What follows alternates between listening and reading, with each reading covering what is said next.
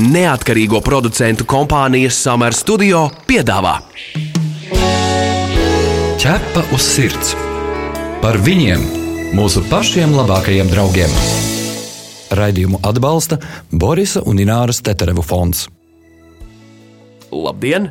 Nedēļa aizritējusi vēja spārniem, un atkal esam dzirdami Latvijas radio pirmajā programmā. Mani sauc Magnus Eriņš. Sveicināti, mīļie klausītāji! Mani sauc Inese Kreitsberga, un jūs klausāties raidījumu ķepa uz sirds. Ines, svarīga tēma arī šajā piekdienā mums ir jāizrunā, un uh, runāsim par uh, alerģiju no dzīvniekiem. Ko tas nozīmē?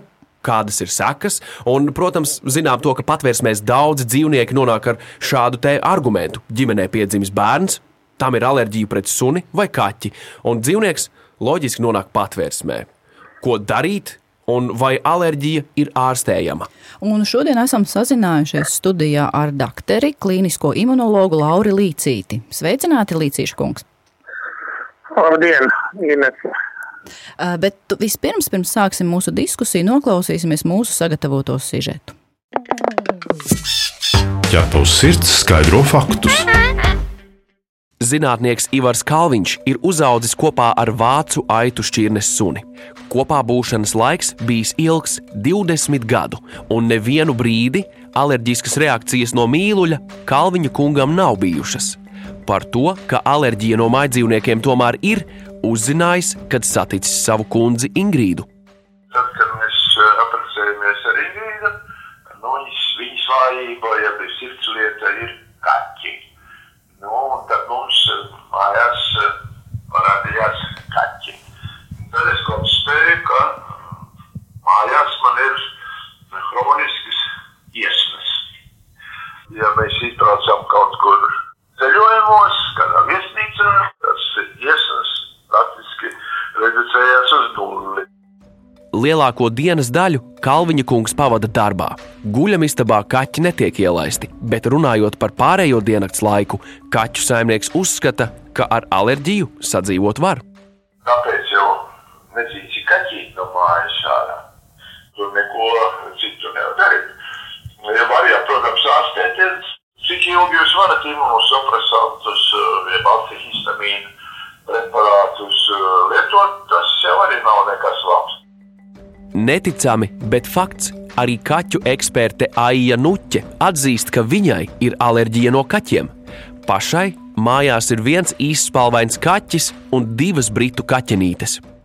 Šī alerģija tiešām arī parādījās izteiktā veidā, kad manās mājās ienāca šie spalvainie kaķi. Bet to var lieliski sadzīvot ar medikamentiem. Ir zinātne gājusi diezgan tālu uz priekšu, un šobrīd ir iespēja šo alerģiju uz kaķi arī izārstēt pilnībā. Divu levretes suņu un divu orientāļu kaķu saimniece Kristīna Vasule to, ka ir alerģiska pret kaķiem, atklājusi viesojoties mājās, kur ir pūkaini kaķi. Man sāk nu, graust acis, un, un es sāku šķaudīt, man parādās izsituma uz rokām. Viesojoties citās mājās, kur ir dzīvnieki, kam nav pavilnas, es sapratu, ka man ir alerģija pret dzīvnieku pavilnu. Kristīne nav nodevusi dažādu alergēnu testa analīzes, tādēļ alerģija pret maidzīvniekiem viņai medicīniski apstiprināta nav. Mājas mīluļi ir izvēlēti no tādām šķirnēm, kurus Kristīne var glaudīt un bužināt bez problēmām.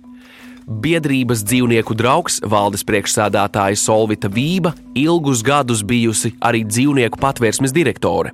Kad sākusi darbu patvērsmē, konstatējusi, ka pasliktinās veselība un devusies pie alergologa. Testa rezultāts savā ziņā pārsteidzis, jo iepriekš alerģiskas reakcijas no kaķiem nebija. Acīm redzot, tā vide deva to situāciju, ka tiešām tā reakcija bija ļoti, ļoti stipra. Protams, ja es gribu turpināt darbu, tad man bija jāizvēlas, nu, kā ar to tik galā. Protams, kontaktu novēršana nebija iespējama, jo, nu, pats ar mēs strādājot ar dzīvniekiem, tas nav iespējams. Medikamentu ceļus arī tā kā neizvēlējos, un es izvēlējos imunterapiju, tātad ar alergēnu vakcīnām.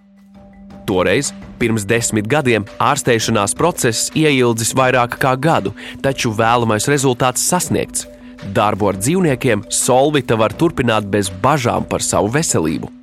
Bija jāpatērē tomēr laiks, pacietība, nu arī mazliet finanses, bet nu, visādā ziņā es teiktu, ka tas to atmaksājās.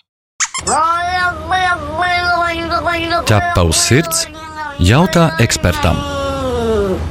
Turpinot raidījumu, mūsu jautājumi doktoram Līcīšu kungam būs gana daudz, un uh, skaidrs ir tas, ka mums visiem kopā šodien ir jānonāk pie kāda kopsaucēja un jāmēģina izprast šī tēma vislabāk. Uzreiz jautājums, kas vispār ir alerģija? Un vai var būt tā, ka cilvēkam ir tikai alerģija no suņiem un kaķiem, bet pret neko citu nav?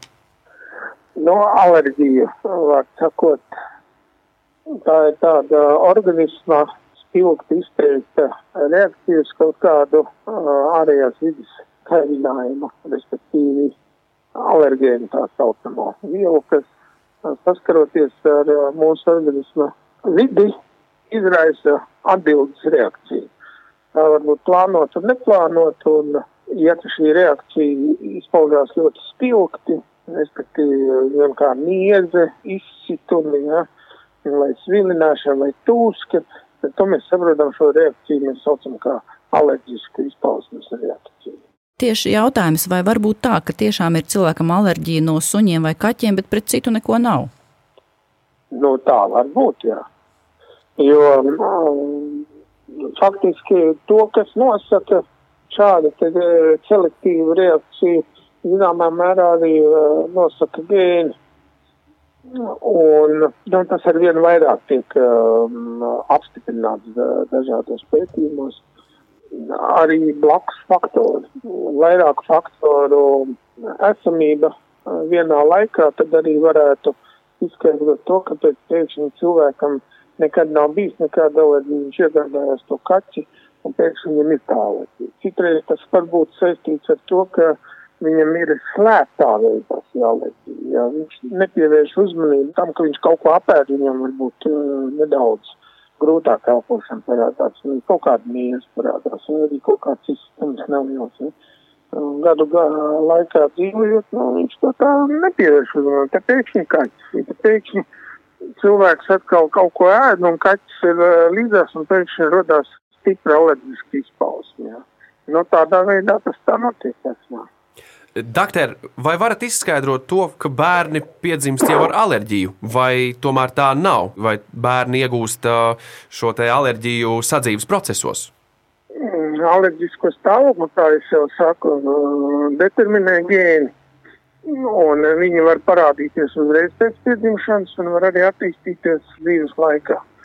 Šo te attīstību nosaka dažādu faktoru vienlīdz uh, pastāvēšana. Jā.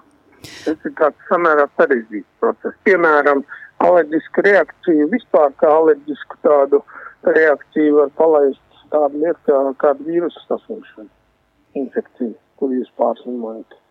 Kaut kādu zāļu lietošanu pēkšņi, nepareizi bioflora, kas attīstās bieži vien tieši alerģiskās reakcijas ir saistāmas ar to, ka mainās zarnu mikroflora. Doktor, bet uzreiz ir jautājums. Daudzi cilvēki maldīgi domā, ka viņiem ir alerģija pret šo, teiksim, kaķa spalvu. Viņi nopērk tā saucamos plikos kaķus, jā, piemēram, Donas sfinksu, jā, un brīnum. Nu, redzat, teiksim tā, godīgi, es uzreiz pārtraukšu pusvārdā. Nav alerģija pret spalvu. Alerģija ir tikai vai nu pret uh, sekrētu, kas izvēlas. Spalva pati nav alergādīga.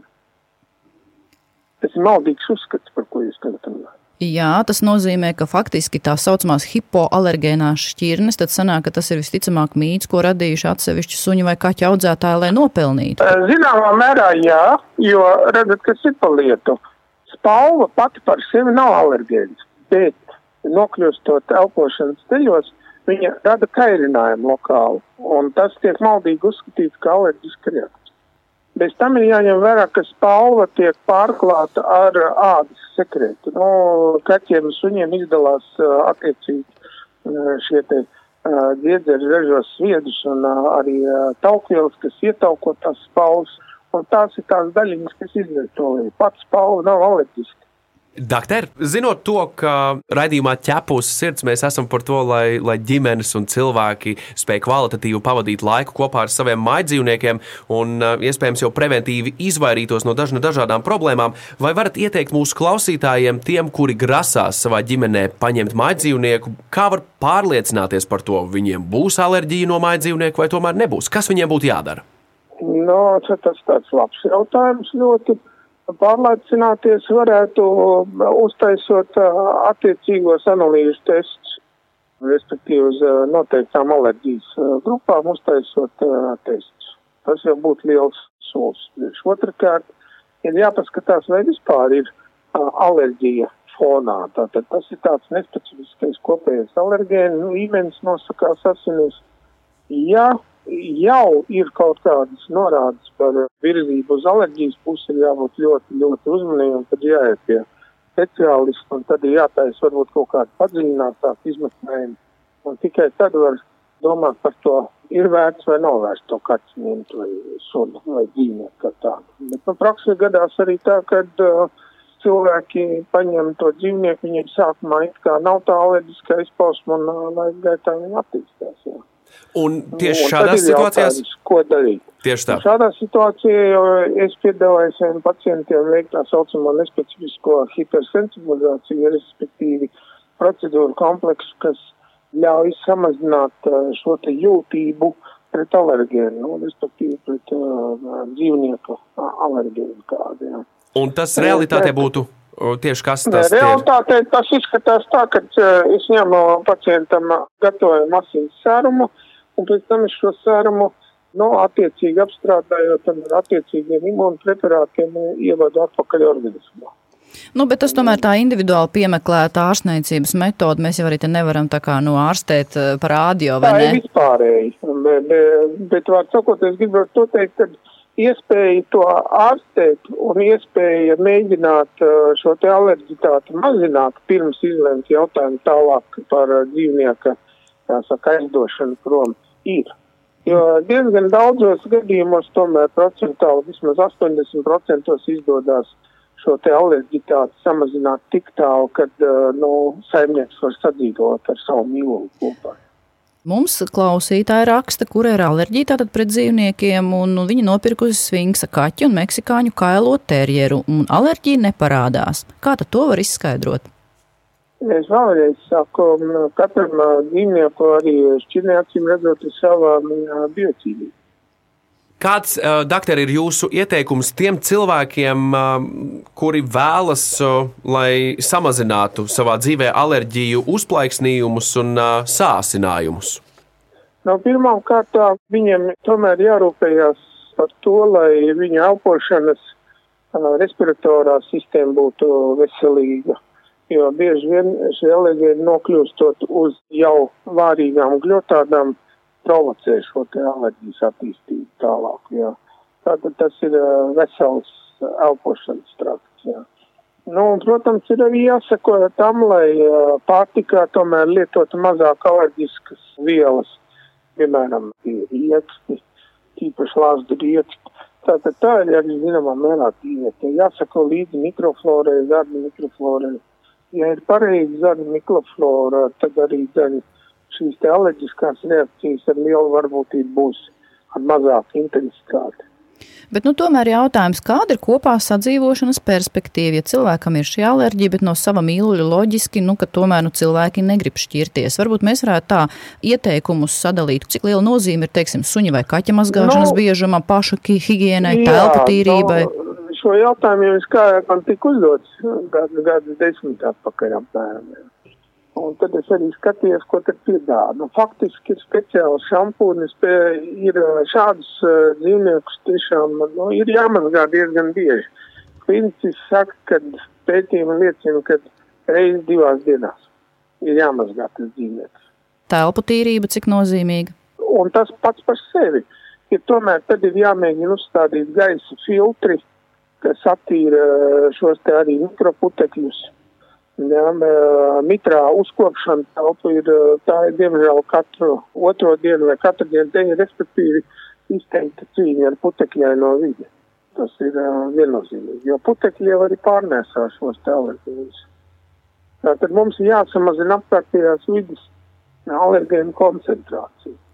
Tas, ko mēs dzirdējām, ka ir ļoti daudz dažādu viedokļu par suņiem un kaķiem, alerģiskiem cilvēkiem. Un te tūlītās mēs noklausīsimies sižetu, ko tad īsti saka uh, kinologi un kaķu eksperti. Vai tiešām pastāv tādas hipoalerģiskas uh, šķirnes, jeb, kā teica doktors, ka tas tikai ir vienīgi mīts. Ķepa uz sirds noskaidro. Kinoloģe Lena Valdmane un kaķu eksperte Aija Nuķe uzsver, ka nav tādu ne suņu, ne kaķu šķirņu, no kurām 100% gadījumos cilvēkam nebūs alerģijas. Tas ir mīts vai mārketinga triks. Jā, ir šķirnes, no kurām alerģiskās reakcijas iespējamas retāk, piemēram, īspalvainie kaķi. Vairāk stāsta Aija Nuķe pēc vilnas, kailie kaķi. Tātad viņi izdala tos pašus proteīnus, ko spālainie kaķi, bet nav tas efekts, ja, kad šī spāla paliek kaut kur uz vismām mājās, ja tur uz dīvāniem, uz mēbelēm, gultā. Līdz ar šo šis viss sekrets paliek uz kaķa ādas, un ja vēl kaķīt regulāri mazgā un kopš, tad viņš, principā, nu, viņš mazāk izplata šo alergēnu. Devonreks un kornišreks šķirņu kaķi ir bez pavilnas un praktiski nekad nemat apspalvojumu. Tādām mazāk alerģiskām šķirnēm skaitās arī balinēzijas kaķi, tie ir arī sijāms, orientālie kaķi, tie var būt arī kā spāvaini kaķi, jo viņiem arī nav pavilnas un diezgan maz viņi met spalvu. Un, lai cik tas nebūtu dīvaini, ir izpētīts daudzu statistisku pētījumu rezultātā, ir novērots, ka Sibīrijas kaķi ir ļoti, kā saka, hipoalergēni. Suņu mīļiem kinoloģe Lena Valdmane iesaka lūkoties tādu šķirņu virzienā, kam nav pavilnas. Tas būs boxers, piemēram, dobermans vai pasenģi vai šķirnes ar jā, bez pavilnas, tad jorkšīras terjers vai, piemēram, ūdelis vai šnaucers. Bieži saimnieks pie sava suņa pierod, un tas rada maldinošu priekšstatu. Ja cilvēks ir alerģisks, un uh, viņš, piemēram, viņam ir Yorkshire terjers, tad viņam šķiet, ka šis Yorkshire terjers ir hipoalerģēns šķirne, jo viņam nav alerģijas. Bet patiesībā aizejot ciemos pie cita cilvēka, kuram arī ir Yorkshire terjers, šī alerģija var būt. Ekspertis iesaka, pirms mājdzīvnieka iegādes noteikti vairākas reizes aiziet pie šo kaķu vai suņu audzētāja, vai arī paviesoties mājās, kur ir konkrētās šķirnes pārstāvis. Pabūt kopā ar kaķi vai suni iekštelpās, paglaudīt viņu, pabužināt un tikai tad, ja nebūs nekādu alerģisku simptomu, izlemt par dzīvnieka iegādi. Visur kopā - ķepus sirds. Atgādinām, ka jūs klausāties raidījumu ķepos sirds. Jūsu jautājumus, idejas, sižetiem un komentārus aicinām rakstīt mums un sūtīt uz info at ķepos sirds LV. Bet mēs turpinām mūsu sarunu ar doktori. Eh, Doktors, sakiet, lūdzu, nu, piemēram, cilvēks uh, dzīvo kopā ar šo dzīvnieku, uz kuru viņam tā kā ir šī alerģija, dzer zāles, to pašus antihistamīnus, bet um, vai nav tomēr tas risks, ka alerģija var pārvērsties par astmu? Nav tādas bailes? Ir, ir. Šādi cilvēki vienmēr dzīvo uz pulvermotes. Nav zināms, kurā laikā tas var arī pāriet, teiksim, tādā pasaukšanā kā bronhiāla astma. Ja, jo pamatā šie cilvēki dzīvo tādā preastmatiskā režīmā. Vai varat pastāstīt, kas ir šis preastmatiskais nu, režīms? Nu, tas ir respektīvi, kad ir astmatiski bronhīti. Tā tad ir uh, elpceļa kaut kādas slimīgas izpausmes, bet jau ar alerģisku uh, pamatu, jā, ar alerģisku pieskaņu. Nu, tad mēs tā, uz to jau skatāmies tā ļoti, ļoti bažīgi. Nu, bet no manis Iesnas var parādīties, var parādīties acu graušana un acu asarošana, šķēvus var parādīties. Nu, ilgstoši ļaut šai simptomātikai būt kopā ar saviem dzīvniekiem, mīlu, mīluļiem, nu, diemžēl tā, tas nav īsti pareizi. Tad jā, jāmēģina visi rast risinājumu. Bet jūsu pieredzē ir bijis kāds pacients, kurš ir ticis veiksmīgi galā ar šo alerģiju no kaķiem un suņiem, un kā tas izpaužās, ka viņam nav? Viņam tomēr kaut kas jālieto ik pa brīdim organismu stiprināšanai, ja, ja tas viss ir alerģija pazudusi kā ar burvju mājienu. Man grūti tā komentēt kā ar burvju mājienu. Droši vien, kad šādi un tad kaut kādas alerģiskas reakcijas izpaužās, bet šādi pacienti ir bijuši. Manā Mums- praksē ir un ir speciāli, tāpēc es arī esmu izstrādājis savu kaut kādu ārstēšanas metodi, ir jau arī dažādas citas vēl. Katram speciālistam varbūt kaut kas savs ir bet no, tā efektivitāte ir mērāma no 40 līdz pat no 80 procentiem. Tātad viss ir atkarīgs gan no paša organisma, gan arī no tās metodikas, ko un kā lietot. Tā kā mm, tā terapija var būt arī maz efektīva. Mums kāda klausītāja atrakstījusi šādu vēstuli. Alerģiju sācinājums notika, kad paliku stāvoklī. Tas neatturēja no dzīvnieka esamības dzīvoklī, un pēc vairākiem gadiem alerģija mistiski pazuda. Jāpiemina, ka krasi mainījās dzīves apstākļi, bet dzīvnieki palika. Uzskatu, ka daudz šajā jomā nosaka psihosomātika. Doktor, vai varat pakomentēt, vai tas ir iespējams? Kā tas ir par šo psihosomātiku? Psihosomātika ir sava noteikta loma vispār, jebkurās slimības gadījumā.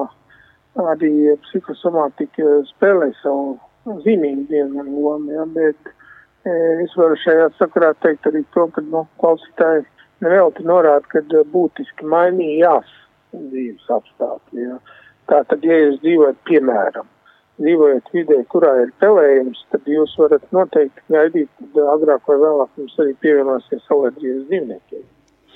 Bet ja, ar, ja jūs šo pamatu kairinājumu noņemat no alerģiju, var arī pazust. bet varbūt ar dzīves apstākļiem bija domāts, varbūt, ka viņa, nu, teiksim, šķīrās, varbūt uh, ieguva citu dzīves biedru. Nu, es domāju, tāda veida izmaiņas dzīvē. Tādas var ietekmēt. No, no, to mēs, no pozitīvas emocijas, tās, protams, arī spēlē savu lomu, bet uh, tikai uz psihosomātiku pateikumu pazust alerģijas kaut kā tā, nu, ļoti tā skeptiski uz to skatos. Tas tomēr nav tā, nu, kad šodien es iedomājos, man ir alerģija, un rītā viņi jau nav vairāk. Tur tomēr ir jābūt tad vairākiem lietu virknējiem lietu apstākļiem, kas viens otram sekojot, ja kopā esot, tad arī rada kaut kādas izmaiņas. Tā kā bieži vien pat pacients pats neapzinās to, ka viņam varbūt ir kaut kas tāds pamainījies, kas šo slēpto alerģiju kā noņem nost, un viņam pazūd tā alerģija. Kā Pa maz informācijas, lai tur tā detalizēti runātu, bet tikai tā, ka no iedomas man pazūd alerģija, tas ir nu, tā ļoti skeptiski es uz to skatos. Mums ir viens gadījums, kur cilvēks raksta, ka viņam ir kaķi, un viņš pamanīs, ka viņam ir pēdējā laikā sākusies alerģija no suņiem. Vai tas tāds trauksmes zvaniņš ir, ka viņam varētu arī drīzumā būt alerģija pret saviem kaķiem, un iespējams tagad jau kaut kas jādara ar organismu, lai tas nepārvēršas, nu, teiksim, lielākā alerģijas izpausmē? Kā jūs to komentētu?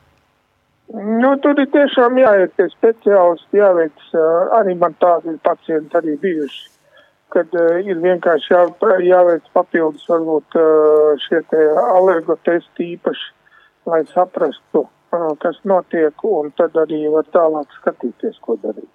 Bet, nu, ir arī jāsaprot tas, ka, piemēram, ja šie dzīvnieki maz uzturās mūsu dzīves vietā, respektīvi dzīves telpā, jā. Uh, Nav tas pats kaķis, viņš atnāk tikai tur paēst, tur bišķi pasnaigstās, tad atkal dodās ārpusē kaut kur savos gājumos, visādos ceļojumos, neceļojumos. Tā ir viena lieta, tā, tā, ir uh, ekspozīcijas samazināšana ar alerģēnu. Arī viena no metodēm, kā cīnīties pret alerģiju. Ja? Vai nu arī, ja ļoti liels nu, teiksim, arī suns, tad ļaut viņam tomēr nakšņot ārā un vairāk uh, ar viņu komunicēt tieši ārējā vidē, nevis uh, kaut kādā slēgtā telpā. Mums ir vēl viena vēstule, kurā teikts, ka klausītājs saka, ka dēlam alerģija no kaķiem liela, bet mums ir divi parasti kaķi, nodrošinām, lai kaķi neiet dēla istabā, sekojam līdzi roku mazgāšanai, un laika gaitā pie saviem kaķiem organisms pielāgojies. Tas ir iespējams, ka uh, organisms, kuram nu, tā kā ir šī alerģija, pielāgojas Jā, tiem pašiem kaķiem. Tā jau ir tā arī saucamā, uh, tā, tā gan būs jau specifiskās hiposensibilizācija, respektīvi, kad arī praksēm tiek lietot šī metode, kad ievada noteiktu alergīnu, uh, noteiktās maziņās devās un mēģina to organismu pieredzināt pie šī alergīna. Un, kā saka, virknē gadījumu tas arī uh, nes savus kaut kādus pozitīvus augļus. Tā var būt, Un šai sakarā arī ne tikai roku mazgāšana, šai sakarā būtu arī vajadzīgs piekopt, kā jūs teicat, elpceļu higienu, deguna dobumu higienu. Tad, tad izskalot kaut vai ar to pašu fizioloģisko vai ar speciālu tādu skalojamo šķidrumu degunu, lai vienkārši nomazgātu to, to, to alerģisko vidi nost. Arī tas viens no veidiem, kā mazināt šo te alerģitāti. Mēs te tā diskutējām ar kolēģi un, un domājam pajautāt jums, vai jūsu praksē ir bijis gadījums, ka kādam cilvēkam ir bijusi alerģija uz kādu citu cilvēku, nevis dzīvnieku? Nu, tāda ir ikdienā vairākas reizes nedēļā tāds pacients nākās, jā, sastapt. Viņiem ir alerģija, bet nu, viņi savādāk izpaužas. Kā saka, cita rakstura alerģija. Cita rakstura alerģija. Šis termins jāpaturprātā būs. Bet tāda pastāv. Tātad mēs principā varam būt droši, ka mēs esam runājuši ar doktoru, kurš apliecina, ka pastāv kaut kāda konkrēta veida alerģija pret citu cilvēku. Ja? Zināt, īstenībā, nu, es godīgi sakot, neesmu, esmu lasījis, vai esmu piemirsis, bet principā ir tā, ka nu, cilvēks jau arī izdala attiecīgi sekrētu, vai ne? Un, nu, ir tādas reizes, kad varbūt tie cilvēki, kuri īpaši izdala kaut ko, īpaši viņi ir lietojuši kaut kādus medikamentus, tad uh, alerģiskāk cilvēks var izvest šo te alerģitāti. Nu, tā arī ir bijis, godīgi sakot, ir bijuši tā vietā. Redz, kā sanāk? Mēs jau ar doktoru esam diskutējuši, kad esam prasījuši doktoram, kā ir, ja ļaujam sunim laizīt mums seju, un doktors jau ļoti nosodošs mm -hmm. pret to ir, vai ne? Un tāpat... Jā, nu, tā, tā laizīšana, kā jūs teicat, tā konektēšana ar uh, alerģiskiem uh, cilvēkiem, konektēšana ar uh, sekrētiem, visu to pārējo no vienas puses, tas it kā varētu zinām mērā arī sekmēt alerģijas mazināšanos, bet no otras puses, protams, arī viņa izprovocēt. Nu, jūs jau zinat, gadījums, ka, teiksim, nu, ir arī praksē tā, ka vai no bērni nevar braukt ar saviem mazbērniem pie, teiksim, opiem, omiem uz laukiem, tāpēc, ka, nu, ir kāds mājdzīvnieks, uz kur ir tam bērnam alerģija. Un tur jau pietiek ar vienu vidi, ka tu parādies jau vidī, jau var sākties smagas astmatisks, piemēram, izpausmes. Jā, tātad alergēns var būt ļoti niecīgā koncentrācijā un jau izraisīt kaut kādas alerģiskas reakcijas. Tā kā tā tas ir, bet uh, parasti vienmēr ir jāskatās, kas vēl pacientam varētu būt kā maskētā veidā, jo tomēr ir jābūt kaut kam vēl, ja viņš tik pēkšņi sāk reaģēt uz tādu niecīgu alerģēnu koncentrāciju. Nu, tas ir tāpat tās apmēram, ka jūs braucat uh, kaut kur sajūt kaut kāds smaržs, jums var rasties vai izpūtas gāzes kaut kur niecīgā daudzumā var jau radīt nepatīkamas uh, respirators uh, reakcijas. Paldies, doktor Līcīt! Bija ārkārtīgi interesanti un uh, izzinoši klausīties jūsu atbildēs. Vislabāk! Pie mums viesojās dakteris, kliniskais imunologs Lauris Līdzītis. Paldies viņam par sakāmo šajā mūsu raidījuma sērijā. Savukārt, Ines, es vēlējos atgādināt, ka mēs aicinām ikvienam sakot ķepa uz sirds arī sociālajos tīklos, un, protams, raidījuma arhīvs pieejams Latvijas radio mājaslapā, kā arī mūsu sarunas varat klausīties arī podkāstu formā populārākajās podkāstu platformās. Tu esi mans draugs, ķepa uz sirds. Bet varbūt tāds īsts kopsavilkums mūsu šīs dienas sarunai par šīm alerģijām. Kas mums ir jāsaprot? Mums ir jāsaprot tas, ka īstenībā nevajadzētu paļauties uz reklāmām, kad pastāv tādas šķirnes, kuras nebūs alerģiskas, Tātad ne kaķu, ne suņu šķirnes varētu būt tādas, kas ir varbūt mazāk, mazāk pavilnas, piemēram, vai mazāk spalvu, bet tas nenozīmē, ka tur nebūs šis sekrēts, kas atkal var izraisīt alerģiju šim cilvēkam. Tā kā uz to paļauties nevar. Ko Vēl viena lieta, Ines, tas, ka, ja cilvēkam ir radusies alerģija no saviem maidzīvniekiem, mēs varam rast risinājumu, kā ar to tikt galā, un nebūt tas nenozīmē, ka maidzīvnieks ir jānes uz dzīvnieku patvērsmi. Tātad vērsties vajag pie sava ārsta, pie ārsta, kuram jūs uzticaties. Un arī ir viens ļoti labs padoms, ko var ieteikt pirms cilvēki vēlas nu, ņemt šo dzīvnieku un nav pārliecināti, viņiem būs vai nebūs šī alerģija. Tātad viens variants ir doties pie ārsta un nodot šo teiksim, analīzi uz to alerģiju testu, uz to paneli. Un otrs variants ir arī doties ciemos, kur ir kāds cilvēks, kuram ir šis dzīvnieks, kas mums vai kaķis. Jā, un pašam pārliecināties par to, vai tu sāc šķaudīt un vai tev sāk asarot acis tik vienkārši. Paldies par klausīšanos šajā reizē. Ines, nākamajā raidījumā mums jārunā par to, kas tad galu galā ir agresīvs suns, ko tas nozīmē un vai ir agresīvo suņu šķirnes. Kurš var noteikt suņa agresiju un kā tas notiek? Vai ir suņu šķirnes, kuras nav piemērotas iesācējiem? Jā, izrādās, esot tādi testi, pēc kuriem var noteikt, vai suns ir vai nav agresīvs. Tas ir ļoti interesanti, to mēs noskaidrosim. Bet šajā raidījumā tas ir arī viss. Mani sauc Inese Kreitsberga. Mani sauc Magnus Seriņš. Raidījumu veidoja neatkarīgo producentu kompānija Summer Studio. Visu labu! Atā! Ķepa uz sirds! Informatīvi izglītojošs raidījums par dzīvnieku pasauli un cilvēkiem tajā. Raidījumu atbalsta Borisa un Ināras Teterevu fonds.